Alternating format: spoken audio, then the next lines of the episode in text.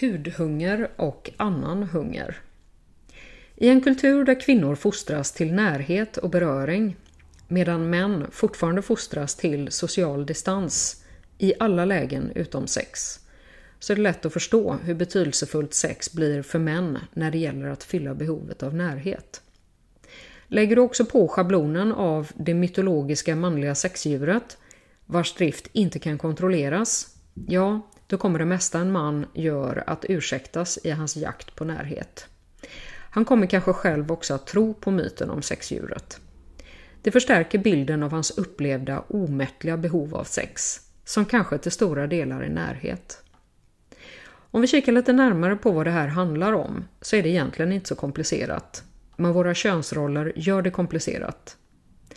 Alla behöver närhet. Vi har hudhunger. Från det att vi är nyfödda och genom hela livet behöver vi närhet.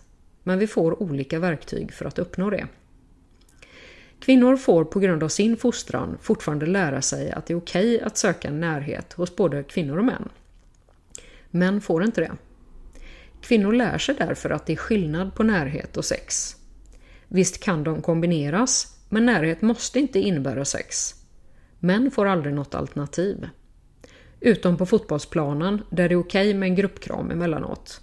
Så självklart jagar män sex för att få närhet.